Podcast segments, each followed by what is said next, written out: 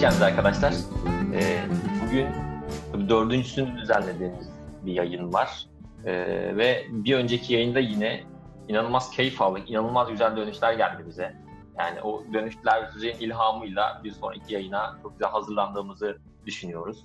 Ee, bu sebeple yine böyle ufak bir e, sürprizle başlayacağız. Aslında artık bizim için sürpriz de değil. Biliyorsunuz Serhan'ı, herkes biliyor. Serhan gene bize e, yeni bir şarkı söyleyecek, yine kendi bestesi. E, o yüzden artık söz Serhan'da. Serhan sendeyiz. Selamlar öncelikle yine herkese. Ben iki haftada bir kez katılabiliyorum maalesef bu yayına. O yüzden e, şu an yine sıra bende. Ufak bir söz alacağım. Sonra yine sahne Yaren'de olacak. E, hata olursa affola tabii ki. Saklı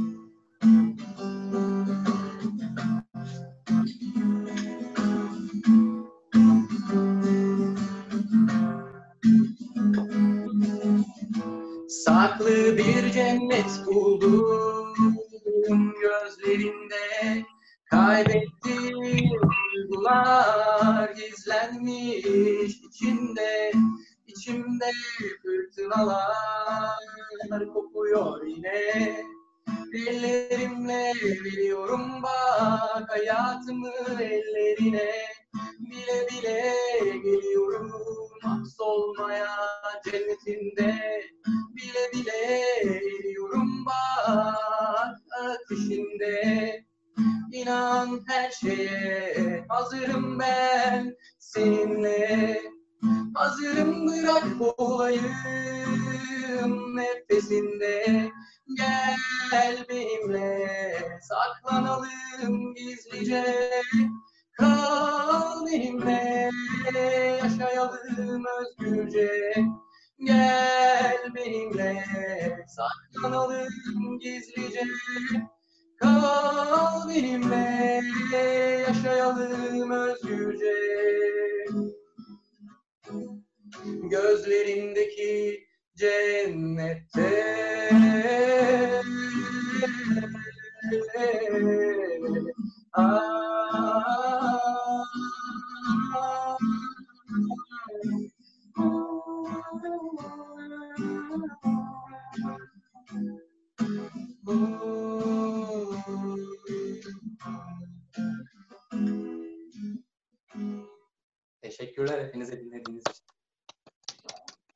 sağlık Serhan. Teşekkür ederiz.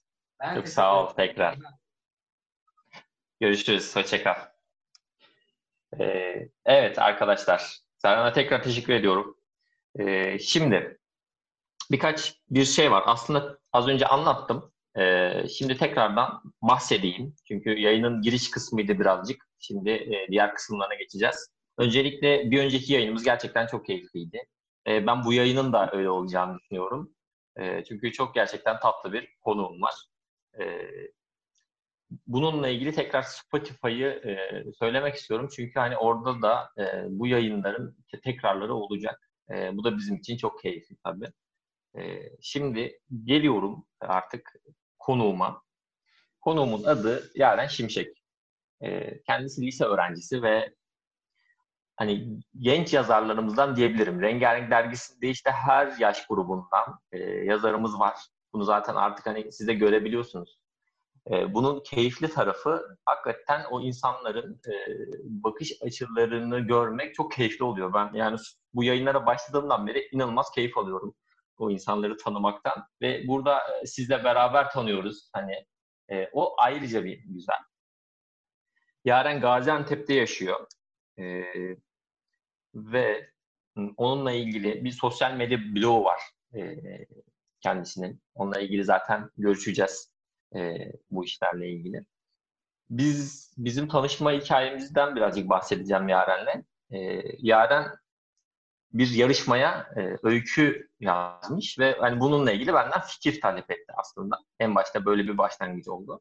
Onun üzerine bayağı çalıştık. Hatta öyküyü de gönderdik. O yarışmanın sonucunda bekliyoruz. E, o yüzden bu konuda heyecanlıyız. Yani umarım e, o yarışmadan güzel bir sonuç alırız. E, orada ben tanıdım. Yani inanılmaz keyifli bir sohbeti var. Ben o yüzden dedim ki yani bu yayına e, daha genç bir arkadaşımızla da devam edelim. Zaten işte sırayla e, hepinize ulaşmaya çalışacağız bir şekilde. Şimdi e, Yaren'cim hoş geldin tekrar. Hoş bulduk. Çok teşekkür ediyorum söylediğin her şey Evet. için.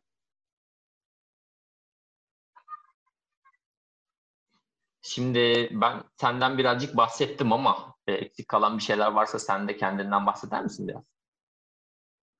Ne söylemek Yani istersin e, 11. sınıfa geçtim. E, liseye gidiyor dedim. 11. sınıfa geçtim. Bunun dışında eğer aklıma gelen bir şey olursa yayın esnasında sıkıştırmaya çalışırım. Tamamdır.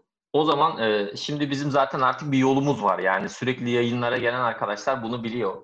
E, biz burada ne konuşuyoruz, ne yapıyoruz? Kısaca bir söylemek gerekirse e, yazarın bakış açısından yani rengarenkle yazan arkadaşımızın bakış açısından bazı konuları değerlendiriyoruz. Aynı şekilde rengarenkle e, olan ilişkisini de konuşuyoruz. Ayrıca yazarlıkla ilgili durumu da. Burada sadece e, o yazarın bakış açısıyla konuştuğumuz için hani biraz öznel kalabiliyor durumlar. Hani e, bunu zaten artık yayına gelen herkes biliyor. O zaman ilk asıl sorumla başlıyorum Yaren. Hazır mıyız?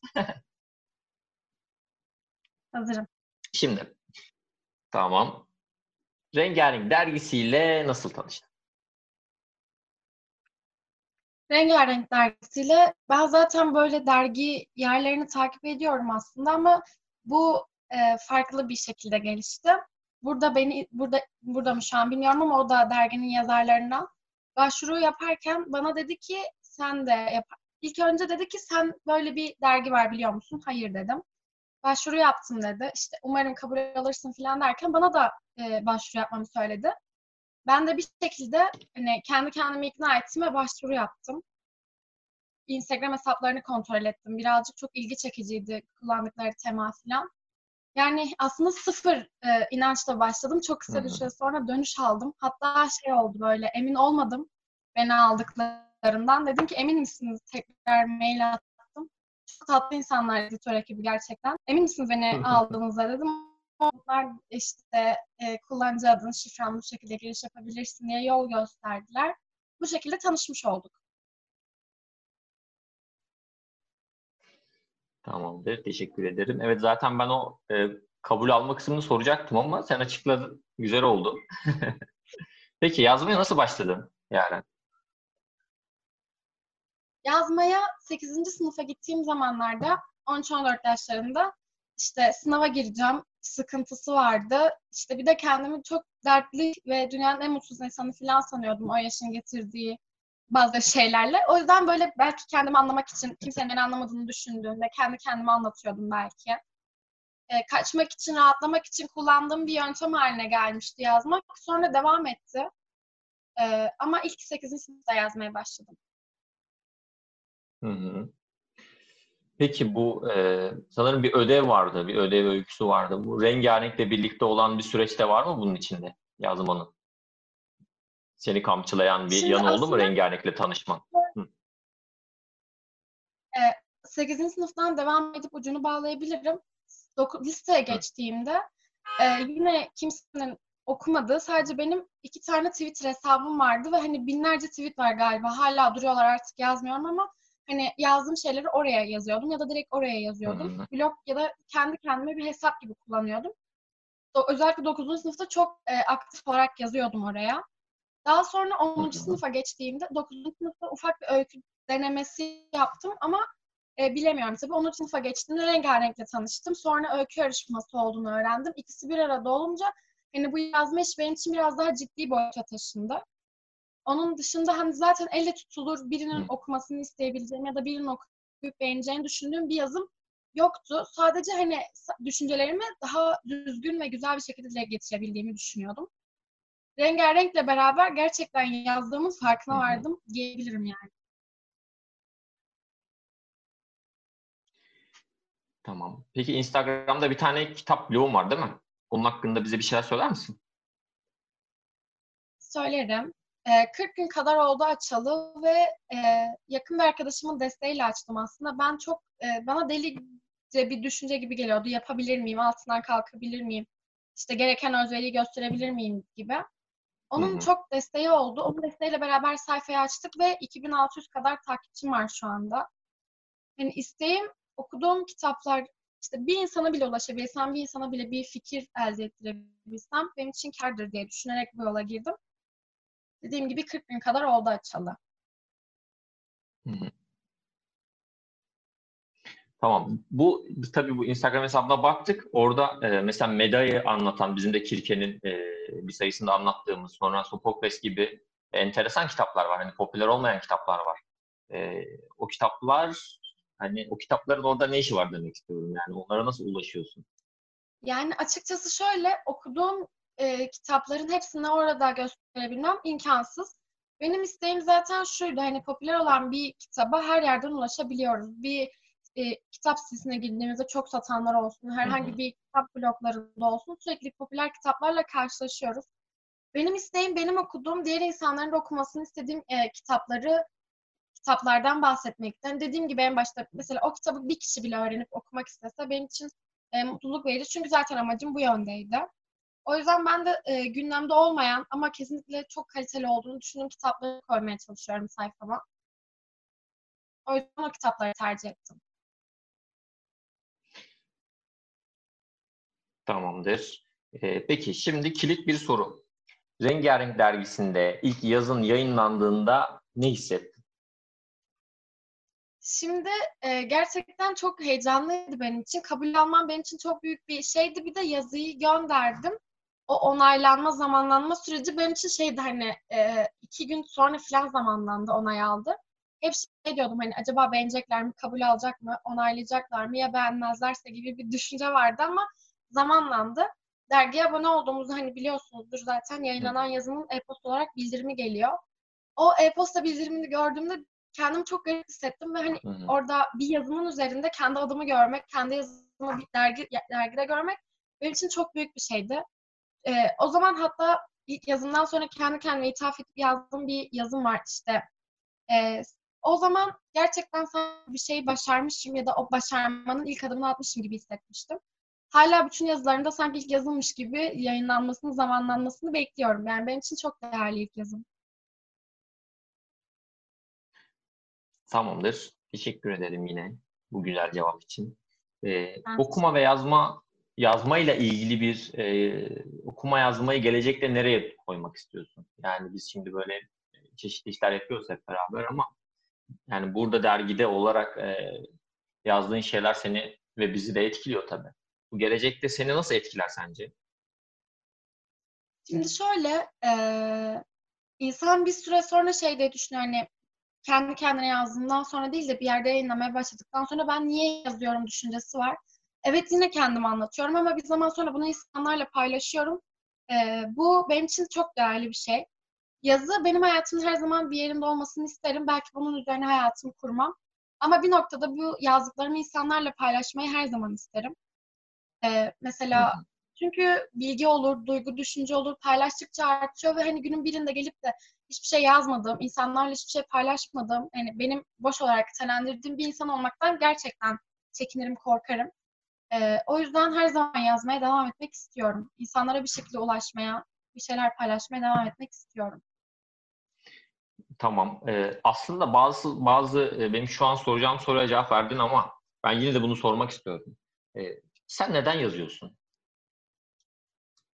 Ee, bu başta benim için bir heves ama şimdi sanki bir görevmiş gibi geliyor. Çünkü e, kendime de olan e, bir şeymiş gibi geliyor. Bu yine aynı yere bağlayacağım. Rengarenk'te paylaşmaya başladıktan sonra insanlardan dönüş aldım ve e, çok güzel dönüşlerdi. Yeni yazın ne zaman yayınlanacak gibi şeyler beni çok heyecanlandırıyor ve bu şekilde bir, insan da olsa hani demek ki benim paylaştığım şey gerçekten değerliymiş deyip devam etmek o duygu beni gerçekten e, çok mutlu etti. Buna devam etmek istiyorum. Bunun için yazıyorum diyebilirim. Hem kendimi mutlu etmek için hem de insanların Hı hı. e, bunu kayda değer gördüğünü görmek beni gerçekten çok onurlandırıyor.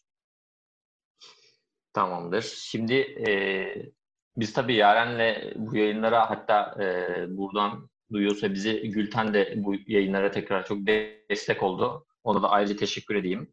E, hazırlanırken e, bölüm olarak ayırıyoruz. Yani tabii bunları en son aslında konuşacağız. Şu an işte yaklaşık 22 dakika falan oldu. E, ikinci bölüme geçeceğiz gibi oluyor. Yani aslında Yaren'i şimdi birazcık tanıdık hep beraber. Yaren ne yapar, neden yazar, ne yazar gibi sorulara cevap verdik. Şimdi de e, Yaren'le beraber gerçekten bütün hafta boyunca çalıştığımız kısma geliyoruz.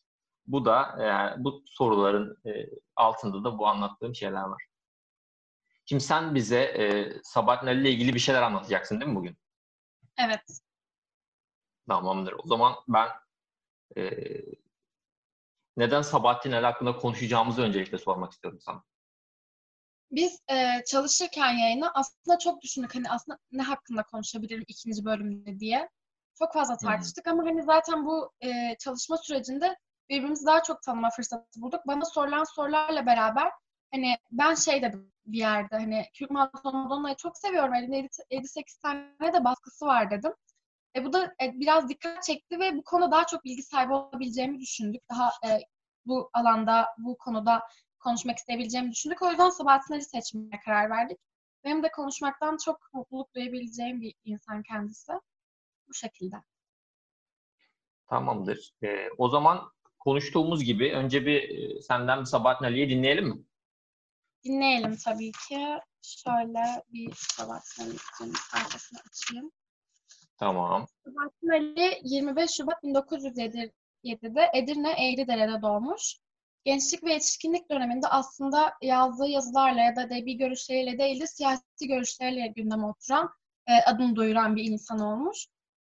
E, memurluk yapmaya, öğretmenlik yap- yapmaya başladığı zamanlarda komünizm propagandası iddiasıyla ve yönet e, Türkiye devlet yöneticilerini eleştirme suçuyla görevden alınmış. Daha sonra Atatürk'e yazdığı, ithaf ettiği bir yazıyla beraber e, görevine geri gelmiş.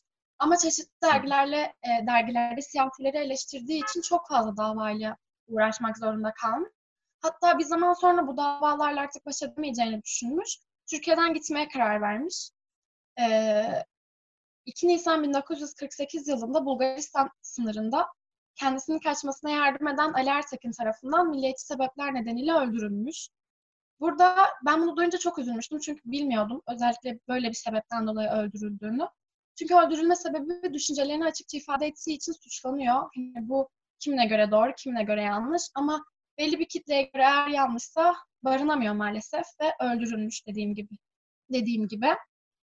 Bunun dışında Sabahattin Ali lise yıllarında edebiyat öğretmeni Ali Canip Yöntem e, desteğiyle beraber çeşitli dergilerde ilk yazı ve şiirlerini, öykülerini yayınlama fırsatı bulmuş. Ayrıca lise 2. sınıfta arkadaşlarıyla beraber e, bir gazete ve dergi çıkartmış. Sabahattin Ali okuldan kaçıp e, sinemaya giden, tiyatro izleyen, e, bazen kütüphanede bulunan bir çocukmuş ya da gençmiş diyebiliriz. Yani aslında o zamandan belliymiş. E, ileride gerçekten çok kaliteli bir yazar olacağı, kaliteli bir kişiliği olacağı. Sabahattin Ali'nin değişik, üzücü bir hayatı var diyebiliriz. Bu şekilde özetleyebiliriz Sabahattin Ali'nin hayatını. Tamamdır. Ben burada e, bunu konuştuğumuzda hep seninle şunu konuşuyoruz. Yani e, onlar da aslında e, lise dönemlerinde işte yazmaya başlıyorlar bir şekilde ve bir dergide yazıyor, bir yerde yazıyor. Yani şu an Rengarenk dergisi evet e, bir şeyler yapmaya çalışıyor. Belki buradaki insanlar ileride gerçekten e, bu, bu şekilde yerlere gelebilir. Yani neden gelmesin şeklinde ben ona yaklaşıyorum. Aslında biraz onların hayatlarıyla kendi hayatlarımızı bağlaştırabiliriz belli ölçülerde diye düşünüyorum. Yani o yüzden çok kıymetli biliyor, biliyor, buluyorum o insanların hayatlarını e, bilmemiz gerektiğini, e, ona göre e, araştırmamız da gerektiğini ve bu yayınlarda özellikle Rengarenk Dergisi yayınlarının içeriğinde de bu tarz bilgiler vererek belki işte bir kapı aralayacağımızı falan düşünüyorum. E, o zaman e, bizim asıl odaklanacağımız nokta da sanırım Sabahattin Ali'nin Kürk e, mantolu Madonna'sı değil mi? Evet. Şimdi ilk sorum şu. Zaten hemen hemen bu kitabı okumayan yoktur. E, ama bu kitabı bu kitap son dönemlerde inanılmaz popüler oldu. E, sen bu kitabın popülerliği hakkında ne düşünüyorsun? Şimdi hayatından anlattığım gibi zaten Sabahattin Ali öldükten sonra değerini e, değer kazanan bir isim oldu ve eserleri de aynı şekilde. E, 2018 sonları 2019 başlarına kadar Türk Pantolon Madonna ilk baskılarından olan Bilge Kitap Evi'nden vardı baskısı. e, çok değerli bir baskı olduğu için çok maliyetliydi ve çok az bulunuyordu. Daha sonra birkaç böyle sahaflarda rastlayabileceğimiz Remzi Kitap Evi baskısı vardı ve aşina olduğumuz Yapı Kredi Yayınları baskısı vardı. Ama e, o zamanlardan sonra Sabahattin Ali'nin telif, hak, telif haklarını Epsilon gibi, Türkiye İş Bankası gibi e, yayınlar satın aldı. E, aşina olduğumuz o beyaz, kap, e, mavi kapak Sabahattin Ali portresinden sonra çok kaliteli şeyler basıldı ve Hükman Madonna popülerlik kazandı. Bir şekilde ismini duyurdu. Hı hı. Hükman Madonna popüler olduktan sonra sabah programlarına meze oldu diyebilirim. Ee, sabah programı sunucularının işte Hükman Madonna'daki Madonna'yı şarkıcı Madonna ile karıştırdılar. Bir de şöyle bir şey var. Eğer bir kitleye hitap edebilme gücünüz varsa elinizde az veya çok fark etmez. Popüler bir şey hakkında konuşmak her zaman ses getiriyor. Bunu fırsat bilen insanlar da bu popüler kitap hakkında çok fazla yorum yaptı. İyi veya kötü. Ama maalesef bu iyi de kötü algılandı, kötü de kötü algılandı. İnternet üzerinde Sabahattin Ali veya Kürkman Madonna hakkında bir yazı okumak istediğimde %90 oranıyla karşıma Sabahattin Madonna'dan ibaret değil gibi bir yargı çıkıyor. Katılıyorum kesinlikle Sabahattin Ali Kürkman Madonna'dan ibaret değil. Zaten Sabahattin başta çok başarılı bir öykü yazarı. Onun yanında romanları da çıkmış. Ee, bu düşünceye hani katılıyorum. Kürk Mantolu Madonna'nın ibaret değil ama e, Mantolu Madonna'nın e, popüler olmasının kötü e, kat, kötü yanlarının yanında iyi yanları da olduğunu düşünüyorum. Çünkü bunu topluma benimsetti. insanlara okuma oranını arttırdı. Adını duyurdu ve bence de e, hak ettiği şeyi karşılığını aldı. Çünkü gerçekten okunması gereken bir kitap olduğunu düşünüyorum. Popülerlik e, popülerliğin kötü getirileri her zaman vardır. Ama ben kötüden çok iyi getirileri olduğunu düşünüyorum kitap hakkında. Bardağın dolu tarafından bakalım diyorsun değil mi? yani. Aynen. Şimdi peki. Ee, Yaren'cim şimdi 10 normalde yarım saatimiz oldu. 10 dakikamız kaldı aslında. Hani bizim hesapladığımız e, ve planladığımız noktaya geldik. Ee, hı hı. Biz tabii 40 Mantolu Madonna'dan devam edeceğiz değil mi yayına? Ve 10 dakikamız var. Ee, bunu 10 dakikaya yayabiliriz. Çalıştığın kısımları sen anlatabilirsin. Sonra işte küçük bir sorum daha olacak. Muhtemelen işte yayının uzayacağını düşünüyoruz. Biliyorsunuz yarım saatte belli oluyor. Evet. şimdi şimdi belli olması lazım.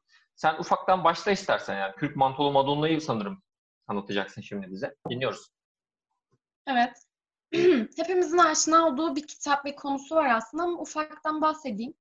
Ee, bir gencin işten çıkarılması üzerine e, eski okul arkadaşıyla karşılaşmasını, yeni bir işe girmesini ve hayatının Raif Efendi ile buluşmasını okuyoruz. Daha sonra e, o gencin Raif Efendi'nin hayatına dokunuşunu, onun aslında hayatını bize açmasını okuyoruz. E, galiba ekstra aldık. Aynen öyle. E, bunu okuyoruz kitapta genel olarak. Ee, bir, bir başlamadan şunu da söyleyeyim. Arkadaşlar sorusu olan varsa biliyorsunuz okuyoruz onları daha sonrasında. Hani şimdiden de yazabilirsiniz, daha sonra da yazabilirsiniz. Tamam. Kusura bakma böldüm. Hiç önemli değil. Dediğim gibi kitap bu şekilde ilerliyor. Ee, kitabın ana hattıyla Raif Efendi'nin hayatını, gençlik yıllarını okuyoruz kitapta. Ee, ben şunu düşünüyorum, kitabı okurken yer yer gözüme çarptı. Sizlerle de paylaşmak istedim. Birkaç alıntı var kitapta gözüme çarpan. Bunu Sabahattin Ali'nin hayatından e, birkaç iz buldum. Bu kesinlikle öznel bir yargı. Ben yorumladım. Doğru tespit olabilir, yanlış tespit olabilir ama paylaşmak istiyorum. Ee, birkaç alıntı var. Hepsini teker teker okuduktan sonra nereye bağlamak istediğimi anlatacağım. Tamamdır. Ee, tamam, başlıyorum. Berlin'de yalnız değil mi? Tamamen yalnızım ama Berlin'de değil, bütün dünyada yalnızım küçüklükten beri. Yarın öldüğümüz zaman birisi bize dünyada neler gördünüz dese herhalde verecek cevap bulamayız koşmaktan görmeye vaktimiz olmuyor ki. Ee, son olarak dünyada bana hiçbir şey tabiattan melül bir insanın zorla gülmeye çalışması kadar acı verici gelmemiştir diye bir alıntısı var. Ee, bunlardan bahsetmek bahsetmeden önce son bir şey daha söylemek istiyorum. Sabahattin Ali'nin ilk öykü kitabı Değirmen. İlk e, romanı da Kuyucaklı Yusuf'tur. Değirmen 16 öyküden oluşuyor ve okuyanların genel yargısı e, üzücü ve yürek burkan hikayelerden oluştuğunu söylüyorlar. Keza e, Kocaklı Yusuf da gerçekten baştan sona kadar yürek burkan bir hikayeydi.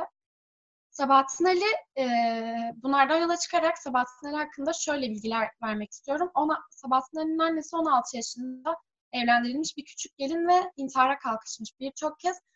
Sabahattin Ali sevgisiz büyümüş bir çocuk ve siyasi görüşleri nedeniyle de toplumda yer edinememiş. Kendine gerçekten sağlam bir çevre bulamamış. Yalnızlık çekmiş bir insan. Ayrıca Almanya'ya gönderildikten sonra yaşadığı ülkesine ayrıca karşılıksız kalan bir aşkını bırakıyor ülkesinde Türkiye'de. Bunlara çok derin özlemler duymuş ve Sabahattin Ali bunları eserlerinin birçok yerinde belirtmiş aslında. Mesela Berlin alıntısında Berlin'de yalnız kaldığından bahsetmiş ya da sevgisiz büyüdüğünden. Sabahattin Ali'nin aslında yaşantısına dair kitaplarında e, izler var ama aslında biraz irdeleyerek okumamız gerekiyor galiba. Ben de aslında bu konu hakkında konuşmada, konuşmaya karar vermeden önce bunların farkında bile değildim. Ne zaman Sabahattin Ali hakkında okumaya, araştırmaya başladım o zaman kitaplarında izler buldum. Bunun dışında aslında hepimizin belki gördüğü birkaç alıntı daha okumak istiyorum. Bunlar da e, çok sevdiğim alıntılar. Onlar e, buradaydı galiba. Evet, ben sayfalar kaybolmasın diye arasına bir sürü kocaman kocaman şeyler koydum ki bulması kolay olsun diye. E, başlayayım o zaman. Evet. Tamam. E, okuyorum. Muhakkak ki bütün insanların birer ruhu vardı. Ama birçoğu bunun farkında değildi ve gene farkında olmadan geldikleri yere gideceklerdi. Bir ruh ancak bir benzerini bulduğu zaman ve bize, bizim aklımıza, hesaplarımıza danışmaya lüzum bile görmeden meydana çıkıyordu. Şimdi bunun aslında bir yer daha var. Bunu yayında kon- çalışırken konuşmadık ama burayı da okumak istiyorum. Lütfen. Bana da sürpriz Evet. olsun. Azıcık uzun gibi, umarım sıkmam okurken. Ee, bu kadının karşısında her şeyimi ortaya dökmek, bütün iyi ve fena, kuvvetli ve zayıf taraflarımla en küçük bir noktayı bile saklamadan çırılçıplak ruhumun onun önüne sermek için sa- sabırsızlanıyordum. Ona söyleyecek ne kadar çok şeyim vardı. Bunların bütün ömrümce konuşsam bitmeyeceğini sanıyordum. Çünkü bütün ömrümce, ömrümce susmuş, zihnimden geçen her şey için adam sen de, söyleyip de ne olacak sanki demiştim. Eskiden her insan hakkında hiçbir esasa dayanmadan sırf mukavemet edilmez bir hissin, bir peşin hükmün tes- tesiriyle nasıl bu beni anlamaz demişsem, bu sefer bu kadın için gene hiçbir esasa dayanmadan fakat o yanılmaz hisse tabi olarak işte bu beni anlar diyordum. Evet, e, bir alıntım daha var galiba, iki alıntım daha var. Bu alıntıyı Hı hı. e, yayına gerçekten buraya çıkmama çok yardımcı olan Umut abiden sonra Gülten abla bana gerçekten çok yardımcı oldu. Onun sayesinde buldum. O yüzden bu bunu onun için okuyorum, belirteyim. Ee, bir kitabı okurken geçen iki saatin ömrümün birçok senelerinden daha dolu, daha ehemmiyetli olduğunu fark edince insan hayatının ürkütücü işliğini düşünür ve yalnız kalırdım. Ee, bir sonraki alıntım. Bunu hepimiz duymuşuzdur ki gerçekten kitabın en can, can alıcı alıntılarından biri bence. Dünyada bir tek insana inanmıştım. O kadar çok inanmıştım ki bunda aldanmış olmak bende artık inanmak kudreti bırakmamıştı. Ona kızgın değildim. Ona kızmama, darılmama, onun aleyhinde düşünmeme imkan olmadığını hissediyordum. Ama bir kere kırılmıştım. Hayatta en güvendiğim insana karşı duyduğum bu kırgınlık adeta bütün insanlara dağılmıştı. Çünkü o benim için bütün insanlığın timsaliydi. Şimdi son bir alıntı daha var. Bu da finale doğru aslında son final sahnesinde okunan bir geçen bir alıntı. Tesadüf seni önüme çıkarmasaydı yine aynı şekilde fakat her şeyden habersiz yaşayıp gidecektim. Sen bana dünyada başka türlü bir hayatın da mevcut olduğunu, benim de bir ruhum bulunduğunu öğrettin. Ben bu alıntıdan sonrasını ilk, ilk seferden sonra okumamaya başladım. Burada bırakıyorum sürekli okusam kitabı. Bundan sonrası beni çok üzüyor çünkü.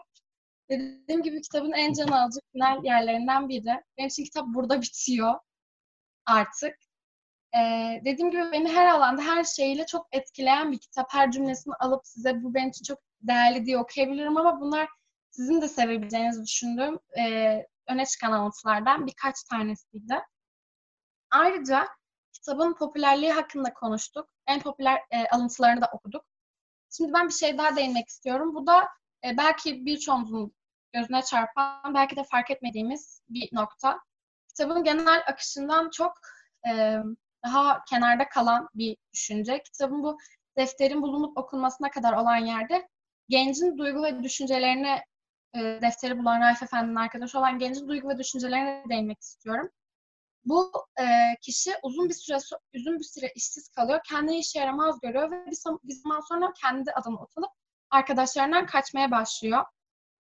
E, yani kitapta türlü e, hakaretler hakaretlerden kastım küçük düşmeler oluyor ve aslında genç e, bunları kendine layık görüyor. Şöyle birkaç e, yer vardı. Daha kolay anlaşılması açısından okumak istiyorum. Diyor ki, içimde bir ümitten ziyade nedense kendimi hor görülmüş, aşağılanmış görmek arzusu vardı. Bu kadar alçalan benliğimi bu, bu muameleye cidden layık görüyordum diyor. Yani insanlar kendisini hor görürken o kendisine bu muameleyi layık görüyor. Ve bu düşünceyi, bu genci okudukça, bu düşünceyi kavradıkça kafamda şöyle bir şey oluştu. Hani sonuçta bu kişi uzun süre işsiz kalmış ve kendini iş vermeyen bir insan olarak görüyor. En azından bunu okuduktan sonra ileride ne yapmamam gerektiğini anladım. Çünkü e, uzun süre kendini işe yaramaz olan bir insan, insanın kendinden ne kadar uzaklaştığını, kendi benliğinden ne kadar belki bir nevi vazgeçtiğini görmüş oldum bu şeyle beraber. Bu e, kitabın aslında bu genç, gençten bahsedilen her kısmında göze çarpıyor ve beni çok rahatsız etmişti. Çünkü bir insan kendini aşağılanmaya, hor görülmeye layık görmemeli bence. Dediğim gibi bu benim kafamda en azından ileride ne yapmama, nasıl biri olmamam, olmamam için bir plan oluşturdu. Dediğim gibi kitabın her yerinde kendimi buldum. Burada da kendime dair bir iz bulduğum için kitabı daha çok yaklaştırdı beni bu düşünce. Bu şekilde. Bu güzel bilgiler için, bu e, çalışman için ayrıca teşekkür ederim. E, bence çok keyifliydi. Umarım hani dinleyenler de bu kısımda keyif almıştır. E, şimdi şöyle şeyler eklemek istiyorum. E, bizim çalıştığımız kısım buraya kadar ve şu an aslında 40. dakikaya geldik. Yani biz hedeflediğimiz noktaya, hedeflediğimiz şekilde her yayında hemen hemen geliyoruz. E, zaten evet. süremiz de uzadığı için ben biraz uzatacağım. Şimdi önce sana şunu sormak istiyorum. E, Kürk Madonna kısmını artık sanırım kapattık. Bu konuda söyleyeceğin bir şey var mı? Evet, teşekkür ederim. Tamam. Ee, bu arada soruları en son alacağım arkadaşlar bizim konuşmalarımızdan sonra. Siz şimdiden yazabilirsiniz. Ben tek tek okuyacağım. Ee, peki şunu sormak istiyorum artık. Bu birazcık daha bu yayınlarla alakalı. Ee, biz bu yayınları nasıl çalıştık? Senle beraber. Ee, biz açıkçası Gülten'le beraber. Evet, evet, ya çok bu yayında ilk aslında ilk yayın hani Gülten abla bana birkaç soru sormuştu. Cevap vermem işte bir, bir gün süre vermişti ve bu yayın aslında genel itibariyle benim kendimi tanımamı neye yönelik konuşabilmek de bir başarım ya da becerim ya da ne hakkında konuşmayı daha seviyorum. Bunu fark etmemi sağladı. Çünkü aslında e, Umut abiden olsun, Gülten abladan olsun bu yaşıma kadar hiç duymadığım sorular aldım ve benim için e, önemli sorulardı burada konuştuğumuz, konuşmadığımız bir sürü aslında şey çalıştık, bir sürü şey sorduk, cevapladık. Ee, sürekli beraberdik, sürekli yazdık, sorduk birbirimize. Ee, herkes hani ben biliyorum, sen bunu yapacaksın değil de herkes sanki bilgiye e, açıkmış gibi sordu. Çok güzeldi çalışmak. Yayın, hani yayının keyifliliğinden ziyade yayına çalışma süreci de benim için çok keyifliydi gerçekten. Buradan çok teşekkür ediyorum iki isme de. Buradaysam eğer onlar Peki. sayesinde. Bana kalsa ben hiç konuşamazdım çünkü. Yani öyle düşünüyordum. Ya şimdi seninle ilgili şöyle bir şey söylemem lazım. Bir kere enerjinin ben çok yüksek olduğunu biliyorum. Yani umarım buradaki arkadaşlara da bu enerji geçiyordur ki bence geçiyor. Ee, o yüzden çok keyif aldım. Şu benim için çok önemli. Yani sen gerçekten hani aramızda çok genç isimlerden bir tanesisin. Evet senin gibi çok genç arkadaşımız da derginin içinde. Ama bu özgüveni gösterip burada evet e, ben 40 dakika konuşabilirim ee, ki daha da fazla çalışırım diyen hatta birçok şey biz kaldırdık bile. Yani bir sürü daha ekleyebileceğimiz şey vardı. Hani bu özgüvenin için de ayrıca teşekkür ediyorum. Tebrik de ediyorum. E, şu ana kadar hani on numara bir yayın götürdüğünü düşünüyorum. E, peki buraya gelecek, senden sonra gelecek arkadaşlara e, tavsiyen olur mu? Şöyle bir şey yapın ya da buraya gelin falan tavsiye ediyorum gibisinden bir şey söylemek ister Benden sonra gelecek arkadaşlar ekip olduğu için ekibin dışında hani ekipten de sonra gelecek kişi adına e, bence burada kendimizi tanımak adına çok güzel bir şey bence fırsat. Onun dışında bence sadece e, çalışma kısmında Mutavi ve Gülten ablayla çalışıyoruz. Bence sadece ikisi ikisiyle beraber çalışmak için de yayına konuk olmak isteyebilirsiniz. Teşekkür ederiz. Ee, şimdi sorulara bir ufaktan bakayım ben. Tamam. Ee, şimdi burada tabii isim olarak iPhone görünüyor ama ben biliyorum Gülistan. Ee, diyor ki Gülistan diyor ki e, blog sayfanın e, bu kadar takip edilip beğenilmesinin sırrı ne diyor? Ben sana bu soruyu sormuştum. Ben de cevap vermiştim. Bilmiyorum demiştim. Yani e, başta İşte arkadaşlarımın onu söylemeyeyim. Onu... Arkadaşlarımın çok desteği oldu ama ilk başta hani duyurmak amaçlı olan destek böyleydi. Geriye kalan şeylerde e, aslında şöyle e, bu biraz daha bir bilgi mi tecrübe mi? Etiket yazının altına koyduğumuz etiketler ne kadar çok aratılıyorsa mesela gündem hak gündem hakkında alakasız bir etiket koyduğunuzda o daha çok ulaşıyor, daha çok beğeni kazanıyor. Aslında hani e, sayfayı açtıktan sonra e, işin zorlu kısmı nasıl insanlara ulaşırım şeyi. Ben bunu nasıl başardım bilmiyorum ama e, bir fikir olaraktan, bir tavsiye olaraktan etiket konusunda e, dikkat edilmeli bence. Böyle bir şey diyebilirim. Evet. Tamamdır. Ee, şimdi Ahmet demiş ki e, sonuçta bir yazarı tanımadan e, onun kitaplarını anlamak imkansıza yakındır diyor. İşte yani şimdi biz buradaki yayınlarda aslında biraz hani öyle şeyler yapmaya çalışıyoruz. Yani sırf burada e, kendi yazar kendini anlatmıyor. Aynı zamanda bir bilgi de hani biz vermesini talep ediyoruz. Buraya gelen bütün arkadaşlarımızdan da aynısını istiyoruz. Şu an e, 20 tane katılımcımız var. Bence bu hafta sonu sokağa çıkma yasağı olmadığı takdirde bile insanlar böyle geldi bizi dinliyor. O yüzden buraya gelen arkadaşlarıma çok teşekkür ediyorum öncelikle. Yani bizi dinliyorsunuz, her yayında geliyorsunuz. E, bir sürü ığlamışız Spotify'da ben dinliyorum kendimi. Ya onlara falan katlanıyorsunuz. Yani sözde biz profesyonel değiliz. E, onun için ayrıca size teşekkür ediyorum. Onun haricinde kendi ekibim dediğim, e, hepsiyle gurur duyduğum bir ekibim var. E, bu Rengarenk dergisinin arka tarafında bütün işleri e, koşturan, yani şöyle düşünün, hepsi mesela üniversite öğrencisi var, lise öğrencisi var orada ama hani üniversite öğrencileri şu an sınavda, sınav döneminde ve bir koşuşturma içindeler. Sürekli bana şey ya Umut işte bugün sınavım var ama işte şu yazıyı şöyle yayınlayacağız, böyle yapacağız falan diye sürekli bana bir dönüş içindeler ya. O, yüzden inanılmaz tatlılar yani. Hani hem gönüllüler hem kendi e, sorumluluklarını biliyorlar. Ee, o yüzden ya onlara acayip teşekkür ediyorum. Böyle onlarla beraber çalışmak çok keyifli. Yani sizle beraber olmak da öyle tabii. Sonra e, sen aslında biraz bahsettin. İngilizce ben de bahsettim. Önümüzdeki hafta ben e, kendi ekibimi e, yani Rengarenk Dergis'in alt yapısında bulunan ve bu işleri gerçekten çeviren hani ben biraz şu an göz önündeyim ama e, o ekibi buraya davet edeceğim. O yüzden bence önümüzdeki hafta kesinlikle gelin. Yani kimler bu işlerle şu an ilgileniyor? Yani bu gönüllülük e, esasına dayalı işte gerçekten ciddi emek veren insanlar. Hani o insanları burada tanıyın istiyorum. Onlarla e, yayına hazırlanmayı düşünüyorum. E, ayrıca şu an bu canlı yayınlarda gerçekten e, şöyle bir durum var. Yani bunu anlatmak istiyorum. Hani e, Gülten bunun hani en büyük örneği şu an için. E, diğer arkadaşlar mesela e, biz zaten uzun süredir beraber çalıştığımız arkadaşlarımız vardı. Onlarla beraber devam ettik. E, onları zaten gelecek yayında uzun uzun konuşuruz.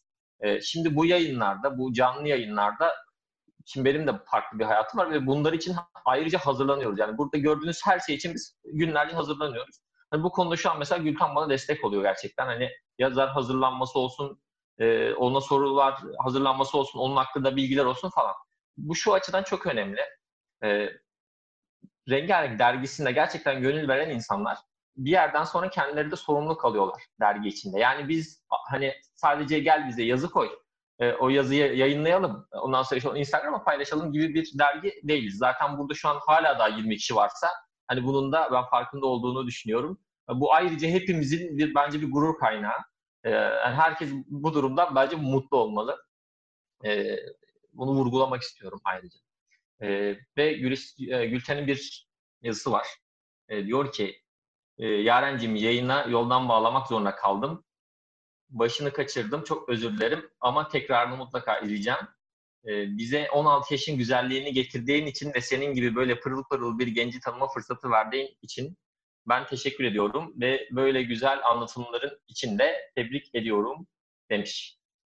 Sonunda beni ağlatacaksın. Şimdi arkadaşlar e, söyleyeceğim bir şey var mı? Bölmeyeyim burayı. Benim mi? Benim e, söyleyecek şeyim e, bu şu. Katılan herkese çok teşekkür ederim. Gerçekten her her katılım benim için çok değerli ve e, evet bu herkese çok teşekkür ederim. Resimden sonra Tamam. Tamamdır. Arkadaşlar standartımızı biliyorsunuz. Bir resim çekiyoruz hep beraber. Şimdi kameraları kapalı olan arkadaşlarım e, isterse kameralarını açabilir. Yaklaşık bir, bir dakika falan bekliyorum bunun için. Kameralarınızı açmanız için. Çünkü e, daha önce de yaptık. E, ben videodan izliyorum daha sonra. Kameralar sonradan açılıyor ben fotoğrafı çektikten sonra. Toparlanmalar başladı şu an. E, bir fotoğraf alacağım şimdi. Ee, biraz daha bekliyorum. Bu arada Aslı Han çok keyifli bir yayındı. Emekleriniz için teşekkür ederiz demiş. İlhan çok tatlı bir yayındı deyip kalp göndermiş. Evet sanırım çok teşekkür ederim. evet açtık mı arkadaşlar kameralarımızı? Evet. O zaman hazırsak çekiyorum.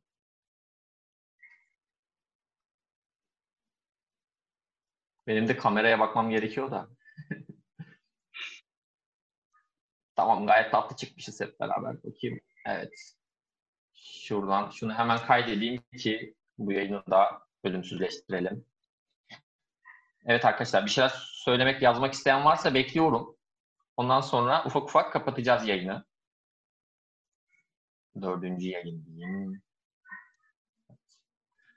Kısımları Spotify'da koymamak lazım değil mi aslında yarın? Ben şimdi böyle doğal olarak doğaçlama gidiyorum ama eee Evet. Ekleyeceğiniz bir şey yoksa bir sonraki yayında dediğim gibi e, ekibi ağırlayacağız. O benim için e, muhtemelen zor olacak. E, hafta sonu programları olanlar için muhtemelen hafta içi e, belki bir gün almamız gerekecek. O yüzden işte artık e, hep beraber bir özveri göstermemiz gerekebilir. Yine olursa 9 gibi yaparız yayını akşam olarak. Ahmet çok güzel bir yayın oldu. Çok teşekkür ederim demiş. Biz teşekkür Ee, ederiz. Nilhan yine Nilhan yine diğer yayında görüşmek üzere demiş. Ve sanırım e, bir yayının daha sonuna geldik. Ben de tekrar katılan herkese çok teşekkür ediyorum arkadaşlar. Yine bize sosyal medya üzerinden, mail adreslerimiz üzerinden bu yayınlarla ilgili görüşlerinizi belirtebilirsiniz ki şöyle durumlar da yaşanıyor. Ee, ben birçok arkadaşımızla yani yavaş yavaş iletişim kurmaya başladım. Ee, ve bu hani kurduğum iletişimde onlarla beraber nasıl yayınlar yapabileceğimizi konuşuyorum. Ee, ya inanın e, inanılmaz cevherler var aramızda. Her birimiz ayrı bir e, yeteneğiz diyebilirim yani size. O yüzden onları böyle tek tek bulup çıkarmaya çalışıyoruz. Ve tabii birbirimizi tanıdıkça aslında daha da sosyalleşeceğiz. Hani tabii şu an e, vücut durumundan dolayı çok da fazla sosyalleşemiyoruz ama ilerleyen süreçte, süreçte daha güzel planlarımız da olacak yani bu durum böyle giderse. Ee, bu şekilde ben e, bu yayını kapamayı düşünüyorum. Dediğim gibi bize zaten her yerden ulaşabilirsiniz. Herkese çok teşekkürler. İyi akşamlar.